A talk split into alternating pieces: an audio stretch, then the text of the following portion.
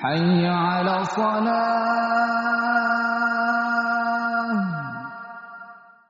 حي على صلاة. إن الحمد لله نحمده ونستعينه ونستغفره ونعوذ بالله من شرور أنفسنا ومن سيئات أعمالنا. من يهده الله فلا مضل له ومن يضل فلا هادي له. Asyhadu an la ilaha illallah wahdahu la syarikalah wa asyhadu anna Muhammadan abduhu wa rasuluhu la nabiyya ba'dah. Qala Allah Ta'ala fil Qur'anil Azim Ya ayyuhalladzina amanu taqullaha haqqa tuqatih wa la tamutunna illa wa antum muslimun.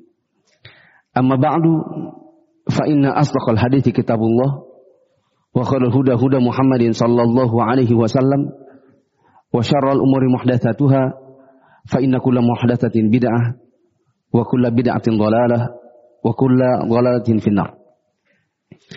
Hadirin jamaah salat Jumat yang Allah muliakan, kami awali khutbah pada hari ini dengan menyampaikan nasihat ketakwaan bagi diri kami pribadi dan bagi jamaah sekalian. Marilah kita meningkatkan ketakwaan kita kepada Allah Ta'ala dengan berusaha untuk mengerjakan apa-apa yang Allah perintahkan dan berusaha untuk menjauhi apa-apa yang Allah larang supaya di dunia dan di akhirat hidup kita mendapatkan kebahagiaan. Hadirin jamaah yang dirahmati Allah, pada kesempatan khutbah hari ini saya ingin membicarakan satu topik yang tidak lekang sepanjang zaman dari masalah yang akan saya bicarakan ini. Kadang-kadang teman jadi musuh gara-gara masalah ini. Keluarga bisa buyar juga masalah ini. Suami istri tak jarang ada yang bubar pernikahan mereka juga karena masalah ini. Yaitu masalah akad utang piutang. Di zaman sekarang utang piutang ini dikembangkan dalam sebuah bisnis. Menjadi akad yang sifatnya komersil padahal di dalam Islam akad utang piutang itu aslinya adalah ta'awuni, saling tolong menolong. Dan para ulama kita menegaskan bahwa akad utang piutang yang seharusnya ta'awuni, tolong menolong, cari pahala, ketika diubah menjadi akad komersil, maka tidak akan lepas dari yang namanya riba. Maka terjadilah ada KPR, leasing, di zaman sekarang dibuat aplikasi bisa pinjam secara online, dan sebagaimana yang sering kita dengar di berita-berita, kasusnya begini, begitu, dan intinya adalah menambah masalah di dalam kehidupan masyarakat kita.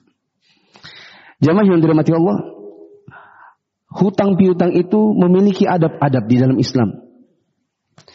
Manakala seseorang berhutang dan tidak mematuhi adabnya, maka tidak akan jauh dari dosa makan harta orang dengan cara batil. Sedangkan orang yang menghutangkan manakala tidak mematuhi adab-adabnya, maka tidak akan jauh dari dosa riba. Pada khutbah yang pertama saya akan menyampaikan adab bagi orang yang berhutang. Orang yang berhutang tidak boleh melakukan hutang kecuali bila sangat terpaksa. Di dalam Islam, sebagian orang mengira hukum asalnya utang itu mubah, boleh. Padahal yang benar hukum asal utang itu makruh, dibenci. Dan kaidah fikihnya mengatakan hal-hal yang dimakruhkan atau dibenci berubah jadi mubah kalau ada hajat. Tidak boleh hukum asalnya dibenci untuk berhutang kecuali karena hajat. Maka adab yang pertama adalah hanya boleh berhutang kalau ada hajat. Sebagian orang di zaman sekarang tidak ada hajat, ngutang. Malah ditawarkan masuk di SMS. Kalau ada dari jamaah di sini yang suka SMS SMS kirim-kirim pesan mau hutang, butuh uang, maka saya katakan usaha Anda nggak akan jauh dari riba. Bahkan sering saya balas, riba haram ya akhi. Zaman yang dirahmati Allah, orang zaman sekarang lihat temannya punya handphone yang lebih bagus, mau ngutang juga. Supaya dapat handphone yang seperti itu. Kebutuhannya hanya berdua sama istrinya naik motor. Lihat temannya naik, naik mobil, mau juga ngutang di leasing. Lihat temannya punya rumah, mau juga KPR. Pada sesuatu yang sifatnya bisa jadi justru tidak mampu dia bayar, di luar dari kemampuannya untuk mencicil dan sebenarnya bukan hajat syar'inya. Adab yang kedua tidak boleh berhutang kecuali sebatas yang memang dibutuhkan. Contoh ada orang mau berhutang karena mau operasi sesar. Kebutuhannya misalnya 15 juta. Maka hanya boleh ngutang 15 juta. Sebagian orang di zaman sekarang ngitung-ngitung yang lain. Mumpung ada yang mau minjemkan, oh 15 juta. Tambah kalau mau beli ini 10 juta. Tambah yang ini, tambah ini. Ah, sekalian aja. Akhirnya berhutang di luar dari nominal kebutuhannya. Adab yang ketiga tidak boleh berhutang kecuali kepada orang yang saleh dan mengerti hukum. Kalau kita berhutang kepada orang yang tidak mengerti hukum, maka insya Allah kita nggak akan jauh dari ujung-ujungnya nanti perkelahian. Kita ngutang sama yang ngerti hukum saja tidak jarang jadi berkelahi, apalagi yang tidak tahu hukum. Dan tidak jarang jatuh ke dalam akad riba.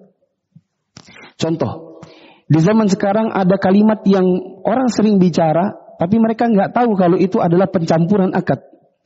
Mereka berkata, pinjamkan aku uang sekian buat modal usaha. Nanti kalau ada hasilnya kita bagi hasil. Ini nyampurkan dua akad. Kata-kata pinjamkan aku modal itu artinya ngutang. Konsekuensi ngutang adalah kalau diutangkan sekian, bayarnya juga harus sama persis. Tidak boleh ditambahkan, tidak boleh dilebihkan. Dengan bentuk akad, tidak boleh dalam perjanjian ada perjanjian kelebihan. Ketika sudah disebutkan nanti kita bagi hasil, maka bagi hasilnya jadi riba. Kalau katanya maunya investasi, maka kalimatnya bukan pinjamkan uang, tapi yuk kita syirkah. Tetapi ingat konsekuensi dari syirkah adalah kalau untung-untung sama-sama, rugi-rugi sama-sama. Tidak boleh mau untung saja.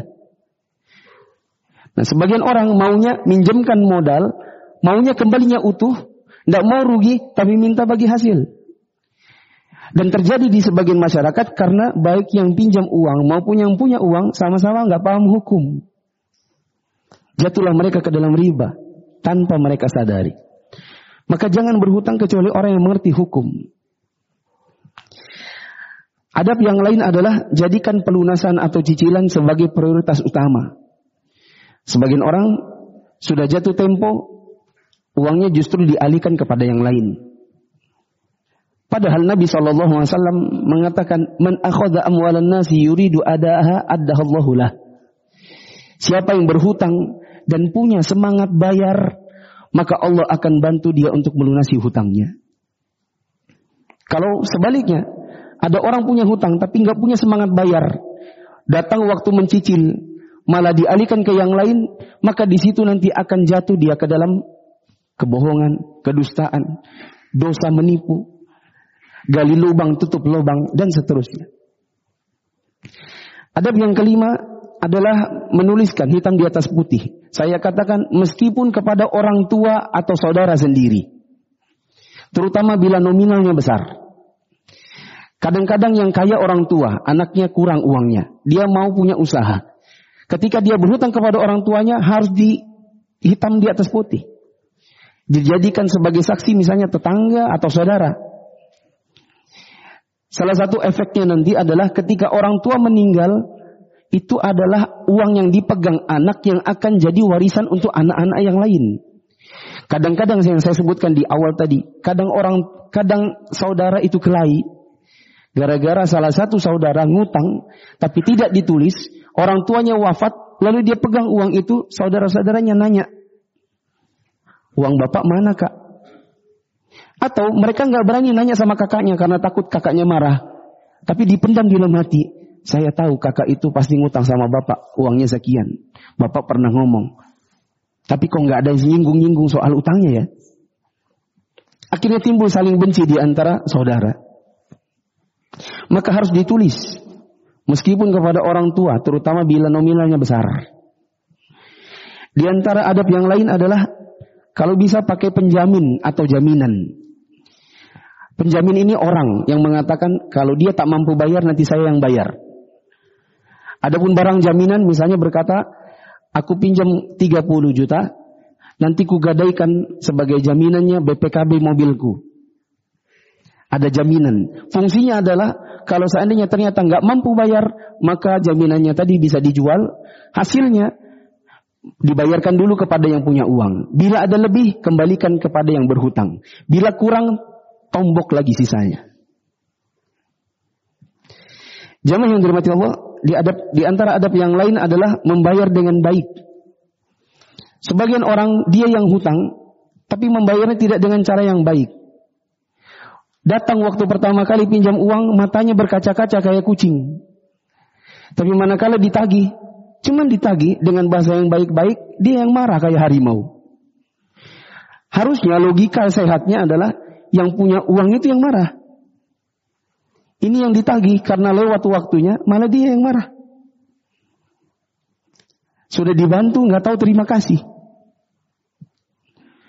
Adab yang lain adalah mendoakan Misalnya mengatakan, semoga Allah memberkahi dirimu, keluargamu, hartamu. Diperbolehkan untuk menambahkan dengan syarat tidak ada perjanjian. Misalnya seseorang berkata, aku pinjam satu juta, nanti insya Allah aku kembalikan satu bulan lagi. Ketika satu bulan lagi dikembalikan, dilebihkan satu juta seratus. Tanpa ada kembalian, tanpa ada perjanjian seratus ribu, hukumnya boleh.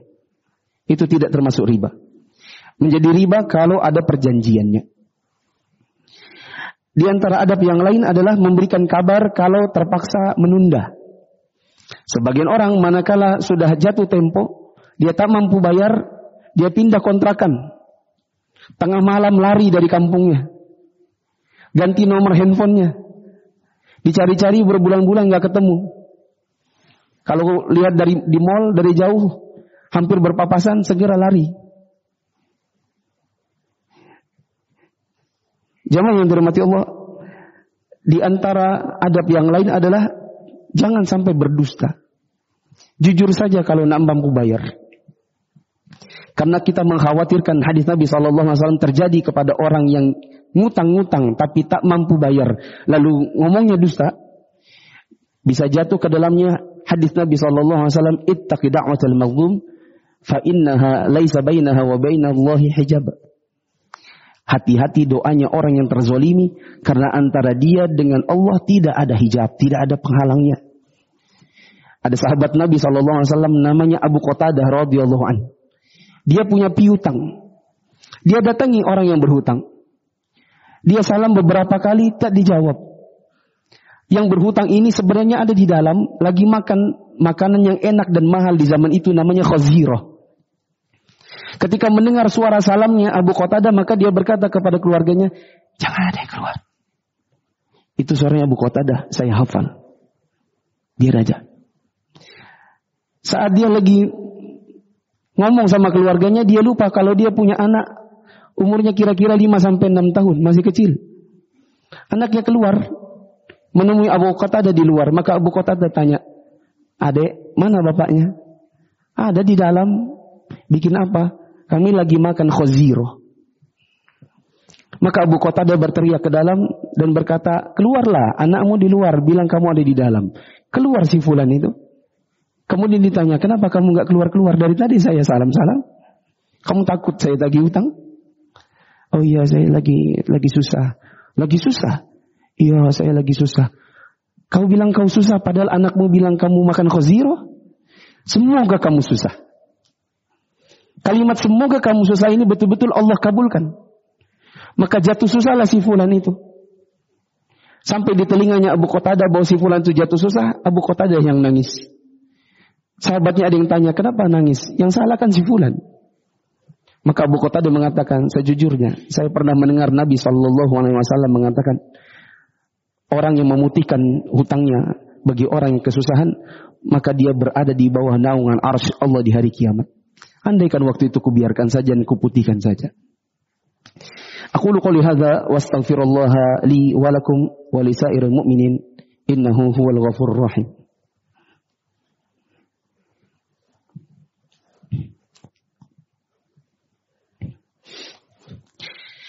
Alhamdulillahi wa kafa wa salatu wa salamu ala rasulillahi mustafa wa ala alihi wa. Adab untuk orang yang punya piutang. Pertama, berharap, berharap pahala. Orang yang punya piutang, yang telah menolong orang lain dengan cara memberikan pinjaman uang, dia dapat pahala.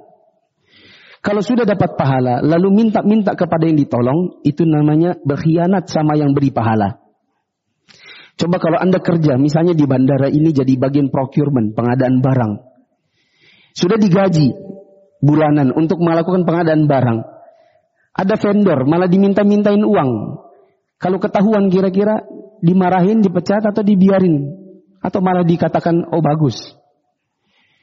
Pasti dimarahi, kalau perlu dipecat sekalian. Karena itu namanya berkhianat. Sudah dikasih uang, malah minta-minta sama vendornya. Maka jamaah yang dirahmati Allah, kalau kita sudah ngutangin orang dikasih pahala, lalu minta-minta persyaratan kelebihan, maka ini namanya berkhianat kepada Allah dan ini yang disebut dengan riba. Jamaah yang dirahmati Allah, adab yang lain adalah tidak boleh mempersyaratkan tambahan atau manfaat apa pun. Sebagai konsekuensi dari adab yang pertama. Tidak boleh mempersyaratkan, oke okay, boleh kupinjamkan tapi tambahkan sekian. Oke, okay, tapi nanti kalau ada hasilnya aku minta sekian. Prosentasenya sekian. Maka itu hukumnya haram. Kecuali kalau Anda jadikan syirkah dan sekali lagi yang namanya syirkah untung-untung sama-sama, rugi-rugi sama-sama. Tidak boleh Anda maunya syirkah untung doang. Adab yang ketiga adalah tidak boleh mendenda keterlambatan. Kalau terlambat maka tidak boleh didenda. Denda dari keterlambatan hukumnya sama, riba. Nabi SAW mengatakan kullu qardin jarra naf'an fahuwa riba. Setiap utang piutang yang mengambil manfaat maka dia riba. Hadis ini dhaif tetapi para ulama setuju sepakat dengan maknanya. Di antara adab yang lain adalah kalau ada barang jaminan tidak boleh dipakai gratis. Kalau dipakai gratis maka jatuhnya riba. Itu masuk dalam manfaat yang diambil dari hutang piutang. Kalau tidak mau riba maka harus disewa. Contoh, saya berhutang padamu 30 juta. Aku jadikan jaminan mobilku. Ini taruh aja di parkiranmu. Kalau mobilnya dipakai secara gratis, jatuhnya riba. Kalau tidak mau riba maka harus dihitung sewa. Jadi nanti kembalian uangnya tidak hanya 30 juta, tidak 30 juta tapi dikurangi. Contoh, kalau satu hari disewa 300 ribu, maka kalau dua kali dipakai harusnya dibayar 29 juta 600 saja nantinya. 29 juta 400 saja. Kalau satu hari 350 ribu, satu kali sewanya, maka nanti supaya tidak riba, dikembalikannya hanya 29 juta 650. Kalau utuh 30 juta, jatuhnya riba. Mau tahu dosanya? Nabi SAW mengatakan, dirhamu riba yakul rajul wa huwa ya'lam Asyaddu min sitati wa salatina zaniatan. Satu dirham riba. Kalau dirupiahkan kira-kira 70 ribu rupiah. Satu dirham. Dimakan dari jalan riba, itu lebih berat dosanya daripada 36 kali berzina. Nah sekarang, kalau dipakai dua hari gratis, berarti 700 ribu. 70 ribu seperti 360 kali berzina, 36 kali berzina bahkan lebih lebih dahsyat dosanya. Kalau dua, kalau dikali 10, kalau ribanya 700 ribu, yaitu menggunakan mobil secara gratis, tidak disewa, maka itu berat dosanya lebih berat daripada 360 kali berzina. Tinggal kalkulasi saja. Maka kalau ada yang menghutangkan dan menahan barang jaminan, maka dionggokkan. Kalau mau dipakai atau dimanfaatkan, harus hitung sewa. Adab yang lain adalah tagih bila orangnya lupa. Di Indonesia ini Mungkin karena banyak orang yang tertular dengan penyakit pekeuh, nggak enakan, nggak enakan sama orang, akhirnya yang riba dikerjakan padahal nggak boleh, yang disuruh nagih malah nggak dikerjakan padahal halal. Yang benar jamaah yang dirahmati Allah, kalau yang pinjam uang itu lupa, maka diingatkan. Karena kasihan dianya. Orang yang punya utang dan mati dalam keadaan masih ada utang itu tidak disalatkan. Orang yang berhutang dan memang ada kesengajaan untuk tidak mau bayar, nanti di hari kiamat dia bertemu dengan Allah seperti seorang pencuri. Kasihan dia nanti di hari kiamat. Maka untuk membantu dia dari ancaman tersebut, keluar dari azab tersebut, maka dibantu dengan cara diingatkan. Anda juga kalau ngutang diingatkan, nggak boleh marah. Karena sejatinya Anda ditolong. Dan adab yang terakhir adalah memberi tangguhan bila seandainya orang tersebut memang sedang kesusahan. Bahkan kalau memang betul-betul susah, kalau perlu diputihkan saja. Sebagaimana tadi riwayat yang disebutkan oleh Abu Qatadah bahwa Nabi SAW mengatakan orang yang menghutang, orang yang memutihkan piutangnya di atas orang yang kesusahan, maka dia berada di bawah naungan arsy Allah di hari kiamat. Zaman yang dirahmati Allah Subhanahu wa taala demikian tadi adab bagi orang yang hutang dan yang yang mengutangi. Kalau adab-adab ini dipatuhi, maka insya Allah yang ngutang selamat dari azab Allah. Nabi SAW mengatakan, Kulul lahmin nabata min haramin fannaru awlabihi. Daging yang tumbuh dari harta haram, salah satunya adalah daging yang ngambil, yang dimakan dengan cara ngutang sama orang dan nggak mau balikin, itu neraka lebih pantas untuk daging itu. Dan orang yang memiliki uang dan memberikan piutang, kalau dia mematuhi adab-adab tadi, maka dia akan selamat dari dosa riba. Tadi dosa riba sudah saya sebutkan. Satu dirham setara dengan kurang lebih 70 ribuan lebih berat daripada dosa 36 kali berzina. Nabi SAW bahkan mengatakan ya, riba salatun wa sab'una baba aisaruha mithlu ayyan qihar ummahu Riba itu punya 73 pintu yang dosa paling ringannya setara seperti orang berzina dengan mamanya sendiri. Wallahu alam bisawab. Ini adalah hari Jumat. Maaf, sebelum saya tutup, saya ingin mengingatkan banyak orang yang di zaman sekarang mencoba untuk mendapatkan harta duniawi dengan cara ngutang-ngutang tadi. Pengen punya rumah KPR yang riba. Pengen punya mobil, leasing, riba. Pengen punya motor yang bagus, leasing, riba. Mau pengen punya ini, riba, riba, riba. Jamaah yang dirahmati Allah. Kalau ada orang yang berkata, tapi kalau nggak gitu gimana nanti susah. Maka saya katakan sebenarnya hidup kita itu mudah. Hidup kita itu mudah, yang susah itu gaya hidupnya. Mau mudah, caranya itu gampang. Ada uangnya beli, nggak ada uangnya konaah dan berdoa aja. Coba nenek-nenek kita di zaman dahulu, tanahnya di mana-mana, luas-luas. Kita di zaman sekarang punya tanah susah. Kalaupun ada kecil-kecil. Karena memang negeri kita ini banyak ribanya dan banyak pelaku ribanya. Dan orangnya kalau dikasih tahu nggak sadar-sadar. Sekali lagi, hidup kita itu mudah. Ada uang beli, nggak ada uang nabung, kona'ah. Berserah diri kepada Allah, berdoa, berusaha. Ini adalah hari Jumat, hari di mana Rasulullah SAW mensunahkan untuk memperbanyak salawat kepada beliau. Dan Allah berfirman, Inna Allah wa malaikatahu yusalluna ala nabi.